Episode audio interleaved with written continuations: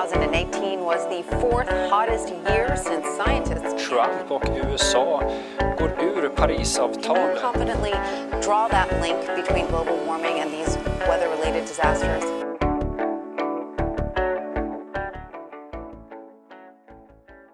Välkommen till Planet och politik med mig, Lorentz Tovatt. Den här veckan ska vi snacka om allt som handlar om bistånd och hållbarhet. Eh, vi ska snacka om klimat, biologisk mångfald eh, och hur det hör, hör ihop med eh, det internationella utvecklingsarbetet. Och med mig så har jag en av Miljöpartiets mest rutinerade eh, chefer kan man säga, eh, som jobbar på hög nivå på regeringskansliet. Han är statssekreterare på utrikesdepartementet. Eh, han heter Per Olsson Frid. Vi kör igång.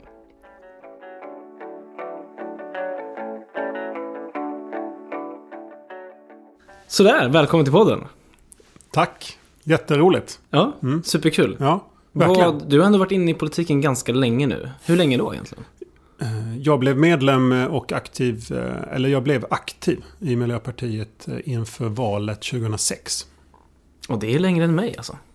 Jag blev medlem då tror jag, men jag blev aktiv först 2008. Ja. Mm. Vad var det som eh, drev dig in i politiken? Um, nej men, eh, det finns ju, nej men jag hade en, en ganska lång eh, bakgrund eh, redan då i liksom föreningsliv och framförallt i fredsrörelsen. Och eh, i arbete för liksom att, eh, nej men människors lika värde och eh, att vi måste se bortom nationsgränserna för utveckling och så. Och någon gång i mina studier nere i, i, på Malmö högskola och i, så gick jag väl och funderade över om, om det här engagemanget i föreningslivet var det som skulle göra den största skillnaden. Det är ju en ganska långsam förändrings Ehm, strategi, så att säga.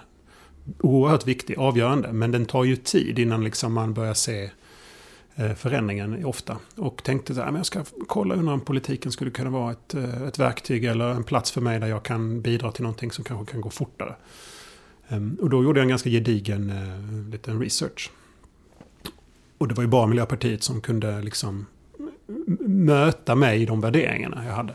Knackade på på kansliet i Malmö och klev in och fick ett otroligt fint bemötande. eh, Och kände att men här, här ska jag lägga mitt, lägga mitt engagemang. Men sen flyttade jag utomlands ett litet tag och när jag kom tillbaka till Sverige så borde jag, flyttade jag till Stockholm. Och då kände jag nästan ingen här. Så då hade jag liksom tiden att bara, men jag hänger väl på MP-kansliet då. Mm. Och jag hade tiden att bara börja liksom cykla runt med valsedlar och, och eh, flygblad och, och koka kaffe och sånt. Så att jag drogs in i, eh, i partiet då. Det var eh, våren 2006. Men känner du också att eh, det var värt det? Alltså känner du nu så här att, men, att du vill liksom förändringsprocessen, att det skulle gå snabbare? Fick du, eh, har, känner du att du har fått gehör för det? Liksom att, eller resultat av det? Att du faktiskt känner att du har påverkat snabbare inom politiken än utanför? Ja men både och. Vi brukar ju ofta säga när vi jobbar politiskt att ja, men förändring går inte så fort. Och, och ibland kan man ju tycka det. Men det är klart att... ehm, att både och. Det jag kände att jag fick ganska snabbt när jag blev politiskt engagerad var att man plötsligt fick en bredd av frågor som gick bra att engagera sig i och intressera sig för och lära sig om. Eh, Och att de här frågorna hänger samman. Eh, Och jag tror att den liksom... Man får en för här finns en förändringsstrategi som är mer holistisk i politiken. Och det passade mig också väldigt väl. Eh, För frågorna hänger ju ihop. Eh, Och, det, och framförallt då tycker jag i Miljöpartiet att vi också ofta trycker på det. Att det hänger ihop. Eh, Så den bekräftelsen tyckte jag att jag fick. Och sen, det är klart att det tar tid, men, men vi har ju visat i politiken att vi klarar av att bidra till konkret samhällsförändring som ställer om. Mm. Eh, Och det är ju en, ja, det är ju en superhäftig erfarenhet att vara en del av. Men, eh, ehm, Det är så himla, det är så speciellt det där att först så sitter man och förhandlar någonting mm, och sen så går det liksom x antal år och sen kommer effekten.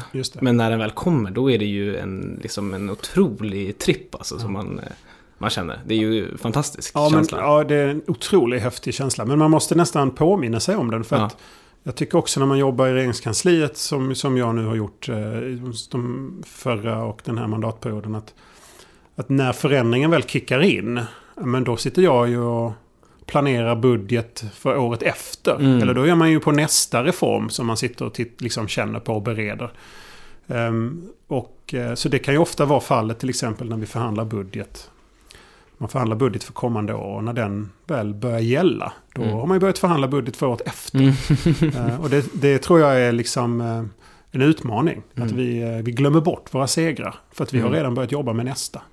Men jag har en sån, sån här riktig fjäder i hatten som jag har som pågår just nu och det är ju liksom nybilsförsäljningen. Mm. Där jag liksom satt och tragglade den här bonus malus beskattningen, att det ska vara törs, liksom törstiga bilar ska vara dyrare, klimatsmarta bilar ska vara billigare.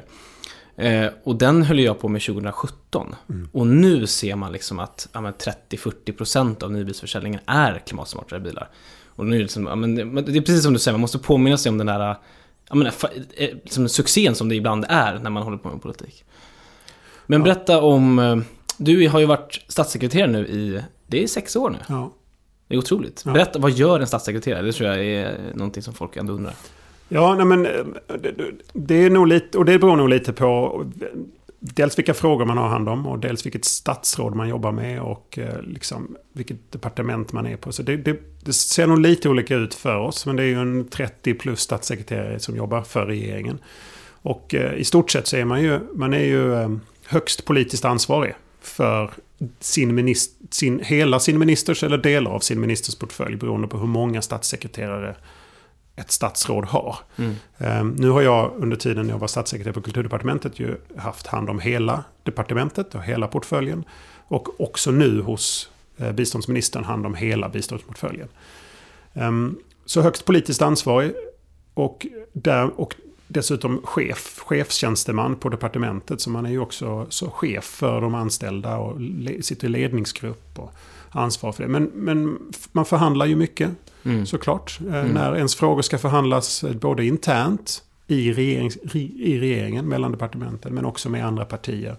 Så är man ju den som företräder och, och eh, leder de förhandlingarna, planerar det strategiskt. Mm. Sen har man ju också väldigt mycket utåtriktad verksamhet. Eh, För att det finns ju liksom fler platser att vara på och tala på och eh, möten att ha än vad ett statsråd och en minister hinner med.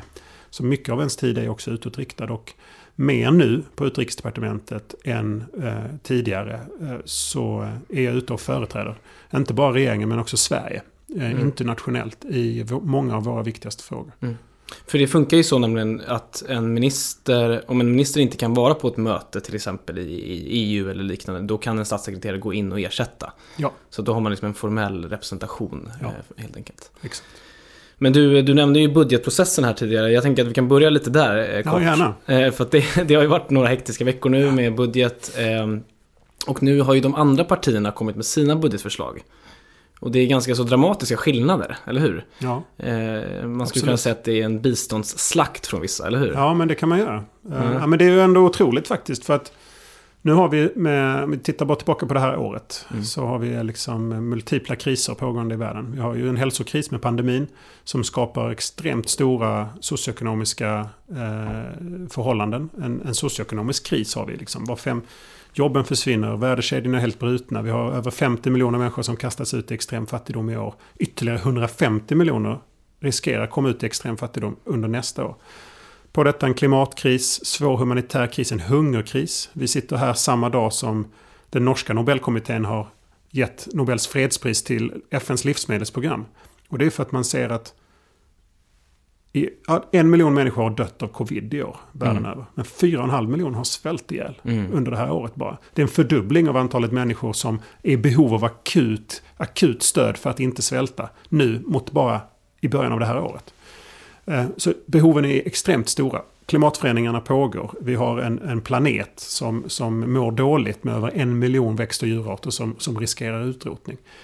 Så att, och då är jag, liksom, vi är väldigt stolta såklart för att vi har ett enprocentsmål. Vi håller fast i det Mm. i, i regeringen. Berätta vad det betyder. Det betyder att en procent av det växande välståndet i Sverige, vår, vår bruttonationalinkomst, liksom, en procent, en hundradel av den, avsätter vi för att stötta eh, utvecklingsländer och fattiga länder i sin utveckling. Mm. Och, och också eh, lindra nöd och rädda liv rent humanitärt. Mm. Och eh, det, där de pengarna omsätts eh, då för att nå de här målen som är uppsatta kring, kring utveckling. De globala hållbara målen, vi stöttar FN-systemet, vi stöttar länder och eh, civilsamhälle. Vi ser till att journalister kan publicera, ser till att civilsamhället kan organisera sig, att val kan genomföras i, i, i, i svårt utsatta, att, att fred kan skapas och att vi minskar utsläpp och, och, och räddar planeten på många olika sätt. Mm. Och allt detta är, alltså den här 1% eh, målet som vi har, det är ganska så ambitiöst globalt sett. Ja. I, globalt sett finns det en överenskommelse om att länder ska sträva efter att ha en 0,7% av mm. sin BNI. Mm. Sverige och några länder till, Norge bland annat, har, lovar 1% fortsatt. Men när behoven är så här historiskt stora, eh, då är det ju såklart förvånat att vissa partier väljer att eh, stryka det här 1%-målet i vår budget. Mm. Um, man beräknar att eh, om, om, om världen skulle satsa 10% av sin totala, eh, sitt totala växande välstånd på ett år. Då skulle vi kunna eventuellt möta behoven i den fattiga delen av världen. Mm. 10%. Nu är vi och några till som lever upp till 1%. Och att då ha partier i Sverige som säger att nej men det har vi inte råd med, vi måste leva mm. på under det. Det är klart att det är ju inte acceptabelt. Dessutom ska man i, i eh, fallet av eh, några av de här partierna säga att de kan ju inte heller säga vad de ska dra ner på. Nej. Utan när vi pratar om de stora växande humanitära behoven så säger de att ja, men det ska vi fortsätta med. Mm. Ja, men om ni ska fortsätta med det och hålla avtal, då pratar vi inte om 0,7. Det, det här är, då är det en halvering mm. av svenskt stöd till långsiktig hållbar utveckling i världen. Mm. Ehm, det, har vi inte, det har vi inte råd med. Man ska veta att när världen mår bättre, när mm. människor reser sig ur fattigdom, då skapar vi också en säkrare värld. Det är också säkerhetspolitik i det här, mm. såklart. Och den här 1%, alltså det är, om man översätter det i antal kronor.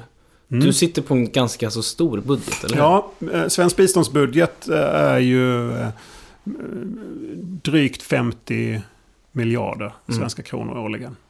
Så om man, tänk, om man tar Moderaterna som exempel, då, då stryker de, vad är det, 15 miljarder? Eller vad är det, något sånt där? Det är liksom enorma summor som ja. de stryker. Ja, precis. Och det är ju pengar som går till ja, men precis allt det, du, det mm. du har nämnt här. Ja. Klimat, miljö, eh, demokratiutveckling, ja. allt det här. Ja. Som ju, och, och, och, Sverige är ju stora inom en rad frågor som, som jämställdhet, eh, mm. flickor och kvinnors rätt till säkra aborter, till preventivmedel, att inte man ska dö när man föder barn. Eh, att flickor får gå i skolan till exempel. Vi stöttar småskaliga kvinnliga lantbrukare i Afrika. Får in kvinnor i arbetsliv. Vi, vi eh, stöttar fredsprocesser. Vi är... Och allt det där är ju frågor som omvärlden känner igen Sverige i. Mm. Det är Sverigebilden internationellt. Mm. Det gynnar också våra företag när de vill exportera. Det gynnar Sverige när vi vill förhandla på andra områden. Mm. Så biståndet, utvecklingssamarbetet är ju en integrerad del av svensk utrikespolitik, handelspolitik, hela Sverigebilden. Frågar man omvärlden, vad är det som ni kännetecknar Sverige mest för? Inte varumärkesmässigt, men, men då, då är det att vi är ledande i de globala ansträngningarna för att eh, komma åt klimatförändringarna. Nummer ett, ABBA. Nummer två, Zlatan. I... Nummer tre, biståndet. Ja, men, men, men, men och Ikea där någonstans emellan. Ja, men, men jag tror att, men, och det, det, så är det. Mm. Det är mm, där man ja. ser Sverige. Eh, och det är ju med våra biståndsansträngningar. Mm. Kopplat ihop med vår diplomati. Kopplat mm. ihop med att vi har gröna företag som, som vill anstränga sig och jobba ute i världen. Um, och det, uh, det, det, kommer ju inte gratis. Mm. Och uh, det som Moderaterna föreslår till exempel. Um, det är en, hotar allvarligt Sveriges förmåga att uh, röra sig och vara mm. en spelare internationellt. Mm. Som en övergång till uh, klimat och miljödiskussionen som vi ska ha så tänkte jag Just det här med att vara ledare uh, globalt. Jag tänker att det är så otroligt viktigt just nu också när det handlar om att liksom få internationella avtal på plats, förhandla de här stora klimatöverenskommelserna och där har ju Sverige ett track record som är helt otroligt, precis som du säger. Jag minns ju när vi kom in i regering för första gången så sa vi att nej men, vi ska ta våran del av det globala ansvaret när det gäller klimatbestånd just. Eh, sagt och gjort så lägger vi upp liksom en rekordsumma på bordet. Eh, och det där är ju liksom enorma pengar men eh, ur ett globalt perspektiv så no, det, det räcker ju inte naturligtvis. Eh, men vad hände sen? Det var det som jag tyckte var så intressant. Att bara genom att visa den gesten så liksom tog vi en ledartröja. Då andra kände sig liksom, de kände liksom, men det, fan det här, det blir pinsamt för oss nu om, om Sverige är så överlägsna. Så som ett resultat av det så var det ju fler länder som mm. la upp mer pengar på bordet. Och det här var 2014 och ett år senare fick vi Parisavtalet på plats. Och jag tror på riktigt att om inte vi hade satt igång den där processen med att fler länder skulle sätta upp mer pengar på bordet, då vet inte tusan om vi ens hade fått ett Parisavtal. Så just den här ledarrollen, den, den tror inte jag debatteras så mycket i Sverige. Men globalt är den helt avgörande. Globalt är den helt avgörande. En stor knäckfråga i varje sån här internationell förhandling på klimat och miljöområdet. Det är ju den om kompensation och om skuld. Mm. Alltså klimatskuld. Och det är klart att det är ju den utvecklade rika världen. Vår utveckling har ju skett på bekostnad av, av, av planeten på, på så sätt. Men vi vill gärna förhandla avtal som, eh, som på något vis eh, hindrar fattigare länder till den utveckling som vi har haft. Och ska vi göra det, eh, då behöver vi också hjälpa dem att ta det språnget förbi. Mm. Att helt enkelt inte gå omvägen via olja och kol helt enkelt. Vi ja. måste gå direkt på... Ja. Exakt. Och, och det kräver ju att, att vi kan visa på ett, ett trovärdigt finansiellt alternativ för, för de här länderna och mm. deras utvecklingsväg. Och det har ju vi kunnat visa att vi är villiga att bidra till. På ett mm. sätt som har gjort att andra också följer med. Men det krävs ju mer än pengar. Alltså bistånd är inte bara en ekonomisk transaktion. Utan vi har ju också då gentemot de stora finansiella aktörerna internationellt. Inte minst Världsbanken och IMF och de stora utvecklingsbankerna. Tryckt på att ni måste sluta nu investera. Fasa ut mm. investeringarna mm. i kol och olja, också i gas. Se till att få fram trovärdiga ekonomiska modeller som gör att utvecklingsländerna tycker att det är mer värdefullt att låta kolet ligga och oljan vara kvar i marken och istället satsa på förnybart och andra typer av, av, av ekonomier. Eh, och, och, vi är inte framme än, men vi är absolut mycket längre fram än vad vi var 2014. Mm, mm. Och det är klart att det har med ledarskap att göra. Mm. Någon måste gå före, någon måste våga, någon måste visa. Och då, nu håller det på att vända. Så nu är det många som vill följa på. Mm. Och vi såg bara häromdagen IMF gå ut och säga att ska vi komma tillbaka ekonomiskt nu efter pandemin. Då ska vi göra det på ett grönt sätt. Mm. Eh, och föreslår ju skatter och liksom på ett sätt som vi inte alls har sett förut. Mm. Och det är ju mm. väldigt hoppfullt. Mm. Jag tänker vi kan gå tillbaka ett steg och titta liksom på hur ser det ut i världen. Just kopplat till då bistånd, klimat och eh, men liksom rika och fattiga. Ja. Ehm, jag, jag, skrev ner några siffror här som en, som en bakgrund för, för lyssnarna. Eh, och det, det är ju ganska så enorma skillnader. Eh, om man tittar då på utsläppen så är det så att den fattigaste hälften av jordens befolkning eh, står alltså för eh, bara 10% eh, av världens utsläpp. Alltså, en, alltså hälften av jordens befolkning står för bara 10% eh, medan de rikaste 10% står alltså för hälften av utsläppen. Ja. Alltså det är helt enormt. Och om man bara tittar på den absolut rikaste 1% så står de för dubbelt så mycket utsläpp som den fattigaste hälften av jordens befolkning. Alltså det är helt enorma eh, skillnader där. Och det här är ju liksom, det är ju i sig en orättvis eh, fördelning av utsläppen naturligtvis. Och det är det, det, är det som du nämnde som, prat, mm. som handlar om, om eh, klimatskuld och liknande. Eh, men det som gör att det här blir dubbelt orättvist och dubbelt eh, relevant utifrån ett rättvist perspektiv, det är ju att det också är de fattigaste som drabbas hårdast. Ja.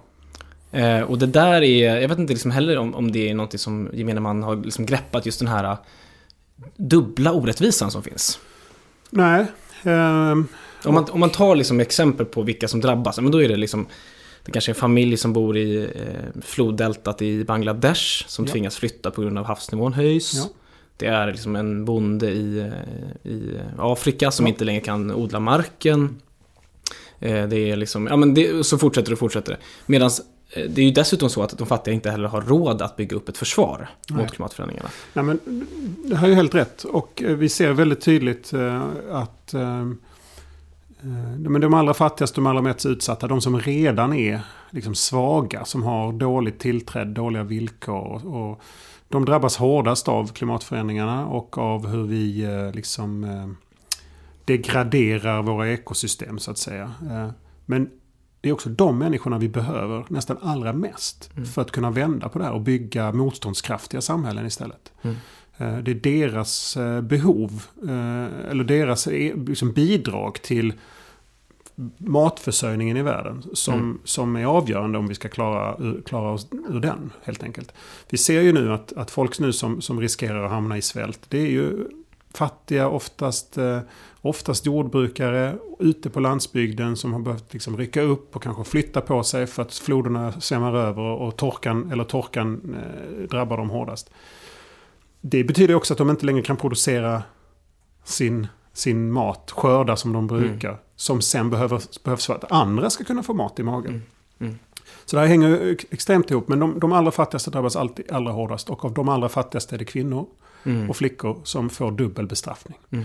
För när det här händer och man blir av med försörjningsmöjligheterna och man går hemma istället för att gå till arbetet. Då ökar också könsbaserat våld i hemmet. Mm. När barn inte får komma till skolan så är det flickor som sen inte får komma tillbaka till skolan. Mm. Eh, och, Ja, Rent konkret så är det just det där med kvinnor tänker jag är jätterelevant med tanke på att om man tittar på jordbruket i fattiga länder så är det 80% tror jag som sköts av kvinnor. ja, Och det är kvinnor som sköter om de sjuka i sina hem. Det blir fler, fler sjukdomar med klimatförändringarna. Eh, Just det här med flickor, att när, eh, när, eh, när torkan slår till så behöver de gå längre för att hämta vatten och då kan inte de gå till skolan och får nej. inte det och så blir de utsatta till- för våld på hem, på Ja. vägen och så. Ja. Och sen kan man komma ihåg att, att en, en stor andel och en växande andel av de här allra fattigaste befinner sig också i konfliktområden. Mm. Med liksom utdragna väpnade konflikter. Som ju också är eh, liksom, eh, direkt förödande för möjligheten att försörja sig och gå i skolan och få något som helst socialt skydd. Liksom. Mm. Så det, det, det är hela tiden multipelt. Mm. Och det är hela tiden både akut och långsiktigt problem. Mm. Eh, Och, och det är otroligt svårt. Eh, Men, men det går ju att göra någonting åt. Och det finns ju exempel när vi har klarat av det. Eh, Men det krävs en, en, ganska komplex väv av insatser både från eh, det egna landet, eh, där vi kan vara en så kallad bilateral partner. Men Mm. också att vi tillsammans med andra multilateralt Mm. se till att komma in med, med stöd och lösningar. Mm. Både för att liksom, stävja den väpnade konflikten, kanske lösa den akuta humanitära situationen, men se till att utveckling får ett grepp, att marknader kan växa på ett mer inkluderande sätt och då behövs det garantier och banker. Den här komplexa väven. Sverige, vi, vi förstår den väldigt, väl. Mm. Och inom, inom biståndet så är, räknas ju Sverige som en av de absolut främsta partnerländerna. Mm. Mm. Eh, och ehm, Alltså som partner i form av att man är med och stöttar eller att man liksom... ja, att man stöttar har, ja. både med pengar och med Mm. kapacitet och Mm. med liksom eh, policy. Att vi också politiskt backar upp våra partnerländer. Mm. Apropå eh, det som du tar upp kring de, de lyckade förhandlingarna om Parisavtalet. eh, Så är det ju för att Sverige också har en lång, sedan lång tid tillbaka starka partnerskap med väldigt många av de allra fattigaste länderna. Också liksom land till land, också Mm. bilateralt. Mm. Så vi har ett förtroende med oss. Mm. Ehm, och det gör att, man, att vi kan få en röst, att vi kan ha, få till det här samtalet, det här förtroendet. Som gör att vi sen kan förhandla bättre. Ja, det där är, jag har ju varit med på många av de där FN-mötena om, om just klimatförhandlingarna. Och det är väldigt tydligt att det, Sverige agerar ju nästan alltid brobyggare. Ja. Det brukar ju finnas sådana stora klyftan då som handlar om eh, ja, men de rika versus de fattiga. Där de fattiga känner, med all rätt naturligtvis, att eh, det är inte vi som har ställt till med det här problemet. Eh, vi har dessutom inte råd att skydda oss. Eh, ni, eh, ni är skyldiga oss pengar. He, helt rätt naturligtvis. Och i den sprickan som har varit otroligt stor genom åren så har ju alltid Sverige varit en, en liksom brobyggare. Eh, Ja.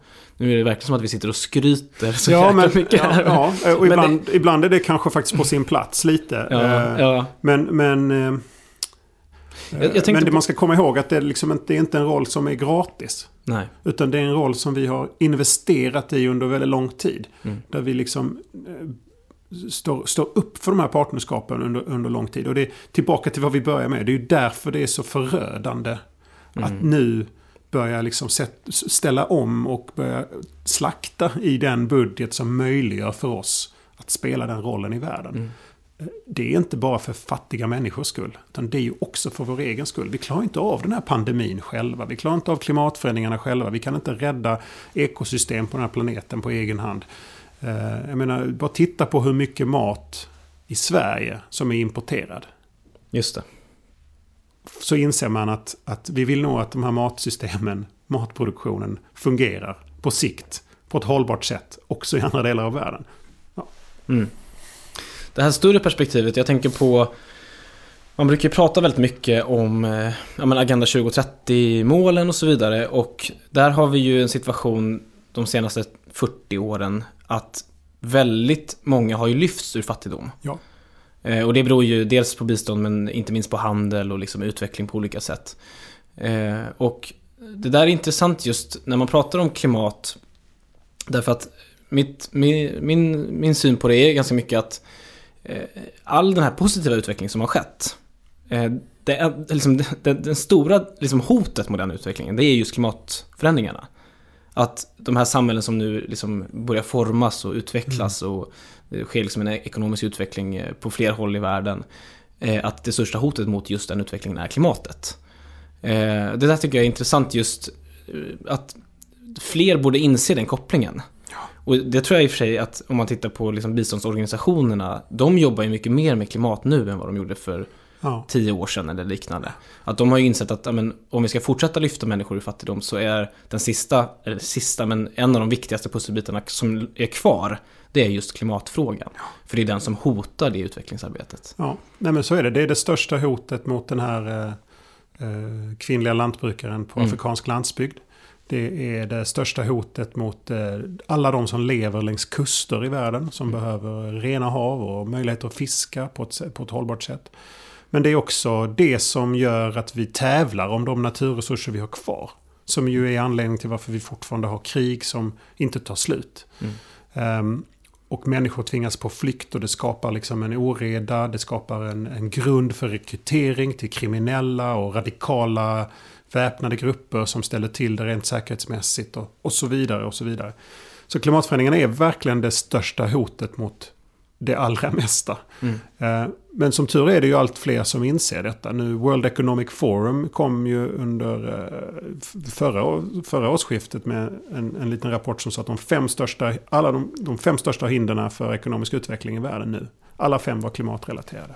Alltså det var så? Ja, de sa så. Och, mm. och eh, FNs eh, utvecklingsprogram UNDP kommer i år med sin stora Human Development Report att fokusera på klimatet. Mm. För att man ser att det är liksom egentligen eh, klimatet och den ökade ojämlikheten mm. i och mellan länder som mm. hindrar utveckling i världen. Mm. Och det bidrar i sin tur till minskad trygghet, minskad säkerhet.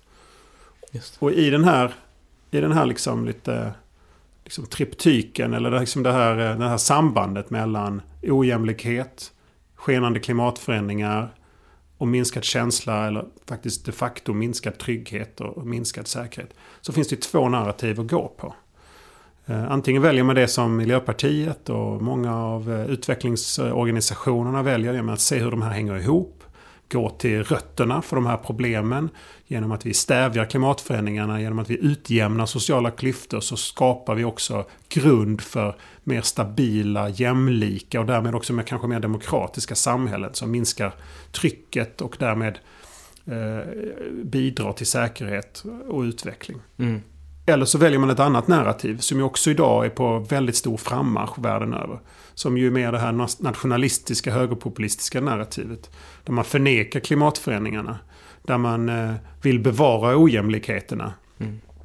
För, att, för att skydda sig mm. själv. Där man sluter sig liksom mm. och inte vill tro på gemensamma lösningar. Och där säkerhetsutmaningarna ska lösas med militarisering och mm. upprustning och, och ökad liksom, terrorbalans. Uh, och den, det vägvalet står vi i nu och det är liksom en kamp varenda dag om vilka värderingar som ska få lov att, att eh, gälla här. Eh, och det är ju den kampen vi också för i utvecklingssamarbetet. Eh, med utrikespolitiken och biståndet och handelspolitiken tillsammans. En öppen, transparent värld där det finns utrymme för flera röster, för pluralism, för ansvarsutkrävande. Där vi löser gemensamma utmaningar med gemen, på gemensamt sätt. Må de vara klimatförändringar eller säkerhetsrelaterade. Att de handlar om matkris, hungerkris eller biologisk mångfald. Ehm, och där vi sluter klyftor liksom.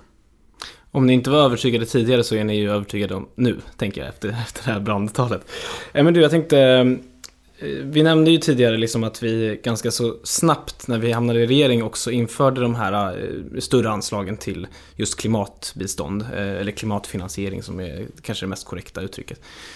Eh, sen dess då, sen 2014, om vi tittar lite mer specifikt. Vad, hur har biståndspolitiken utvecklats sen dess? Eh, hur mycket satsas på klimatfinansiering? Och dessutom kanske hur... Nu har vi pratat ganska mycket klimat, men det finns ju naturligtvis andra miljöfrågor också som är viktiga. Eh, hur ser det ut ungefär?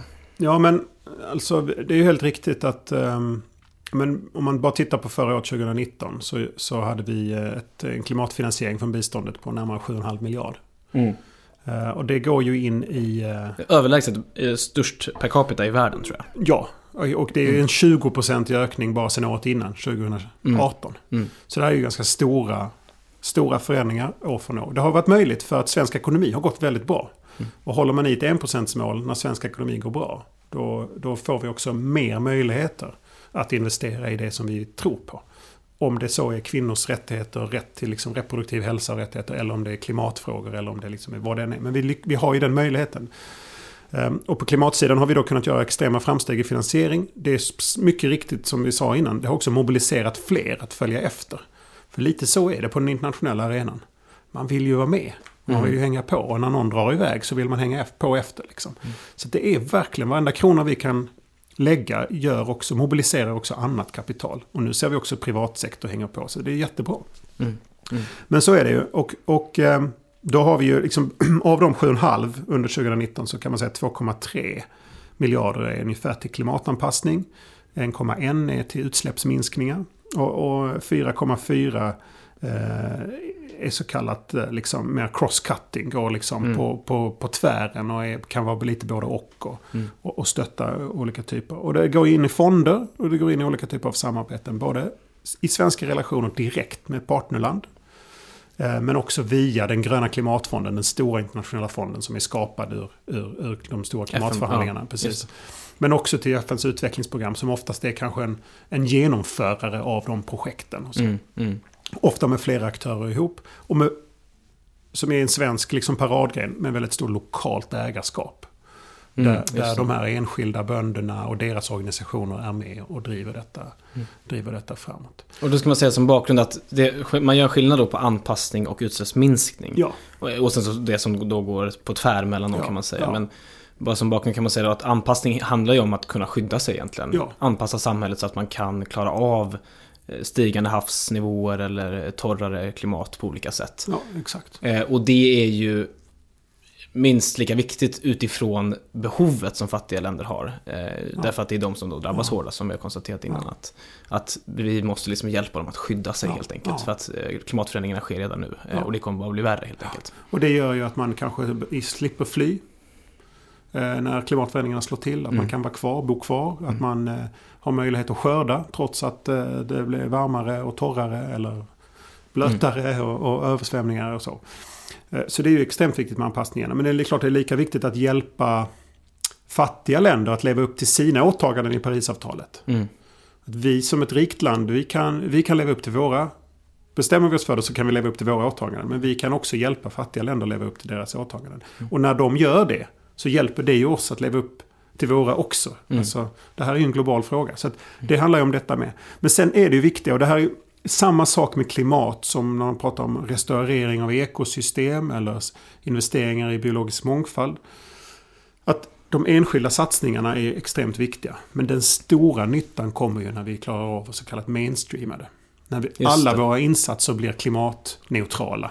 Ja, precis. Jag tänkte Ja. komma till det. När hälsosektorn också är klimatneutral. Och när investeringar i jobb är det. Och när, liksom, när, och när, när vi investerar i, i, eh, i, i livsmedelsförsörjning. Att vi gör det på ett liksom, ekosystemvänligt sätt. Så att vi klarar av att skapa ekonomisk eh, framgång i världen utan att eh, vi degraderar vår gemensamma livsmiljö och, och eh, ställer till det för planeten genom allt mer skenande klimatförändringar. Ja, precis. Och det har vi ju inte lyckats med. Alltså det har ju Nej. varit det stora misslyckandet. Vi, Mm. vi ser ju också hur, hur de här framgångarna utvecklingsmässigt, om man tänker sig i det stora perspektivet, har ju varit på bekostnad av jämlikhet. Det har också skapat stora ojämlikheter i världen, för alla har inte fått hänga med. Mm. Eh, Så att nyckeln nu, det kommande årtiondet, som ju kanske är, det är ett...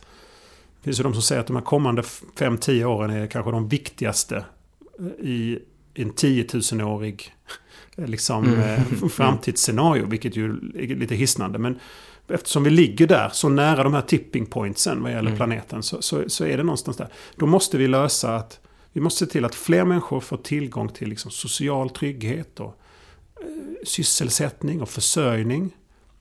Med allt vad det innebär. På ett sätt som gör att vi skapar mer jämlikhet.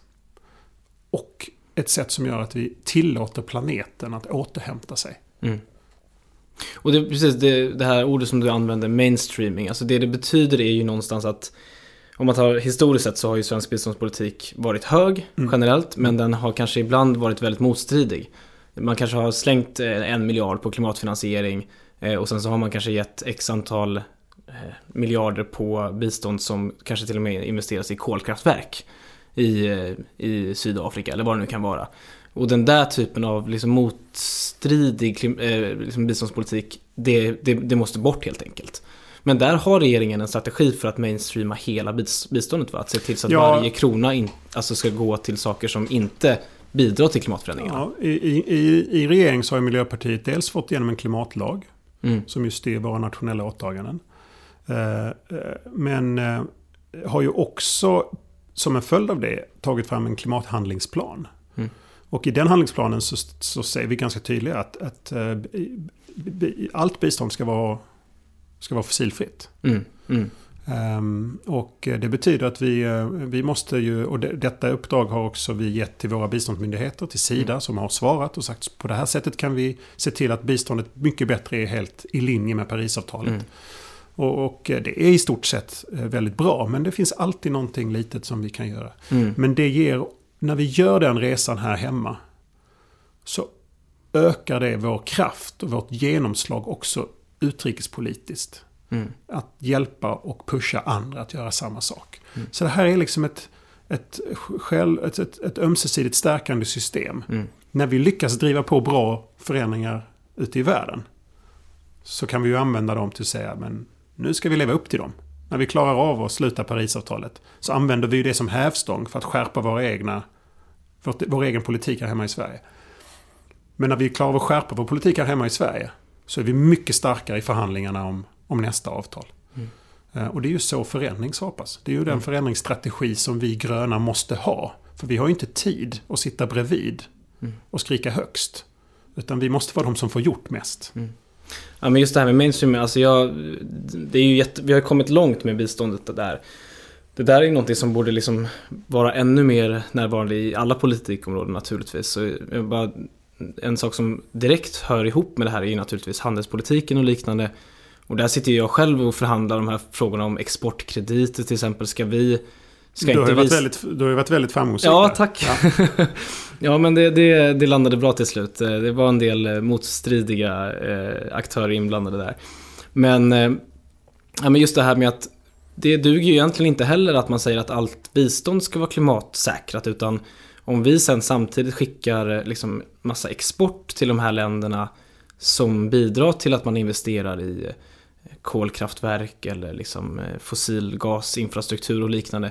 Ja men då är det ju verkligen motstridigt. Så att där Ja, är ju liksom och om vi ska jätte- fortsätta också i vår konsumtion här hemma. Mm. Förvänta oss varor till ett visst pris som har kommit hit med ohållbara transporter. För att vi, då, då räcker det inte heller. Så det är precis som du säger, det här hänger helt ihop.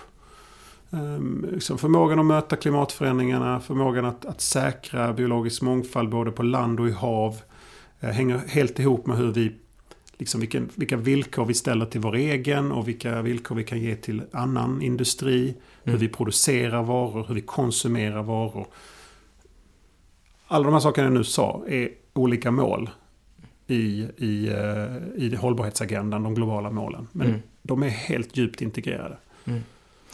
Um, Avslutningsvis då, vad, eh, vad, om du blickar framåt, vad tänker du om biståndspolitiken framöver? Kommer det bli mer av samma eller kommer det bli eh, ännu mer fokus på klimat eller kommer det vara eh, liksom, finns det, det, ja, men det- skulle ju kunna bli så att det blir en ny regering efter nästa val och då, då sitter vi illa till när det gäller Du, du blir alldeles förskräckt här. Alltså. Ja, nej, men, men det, det, man vet ju inte. Man Nej. vet ju aldrig vad en ny regering de facto fakt gör. Mm. För jag tror också och, eh, att när man hamnar i regering och börjar se hur det ser ut från eh, det, det hållet. Då ser man nog också hur mycket...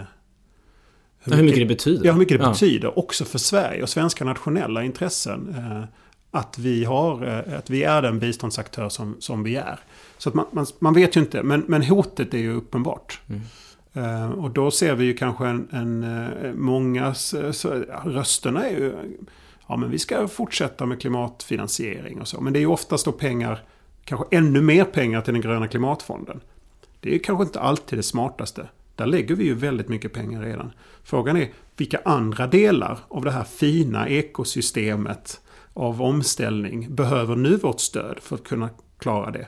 En analys som vi gör ju det är att vi kan inte bara, vara, vi kan inte bara ha stark och stor och tung politik för, klimat, för, för klimatomställningen.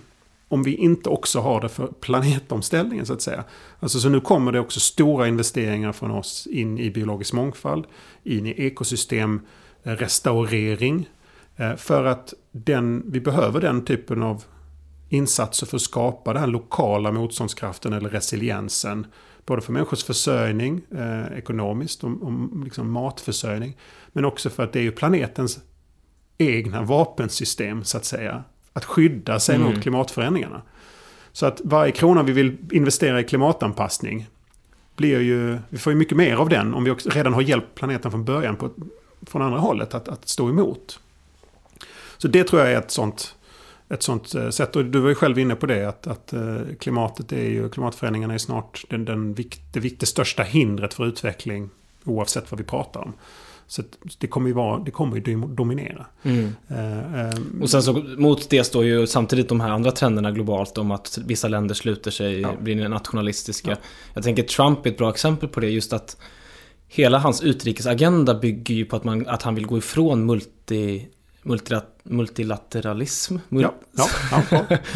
Ja, men han vill gå ifrån det breda sam samarbetet med många länder och istället fokusera på enskilda eh, som han då kan gynnas av på olika sätt. Och det där är ju liksom, det där är ju en hel agenda, det är ju inte bara biståndspolitiken. Han skär ju ner på biståndspolitiken men också eh, säger upp handelsavtal som kan gynna eh, delar av världen liksom.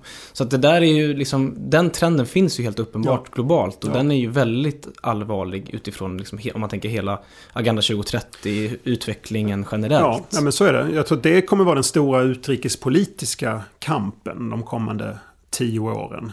Eh, Det är ju vilket, vilken eh, samhällsordning ska vi ha? Ska vi ha det öppna, fria, transparenta, samarbetande samhället? Eller ska vi ha det slutna, auktoritära, stängda, eh, nationalistiska, populistiska samhället? Eh, Det är klart det, det, det är den kampen.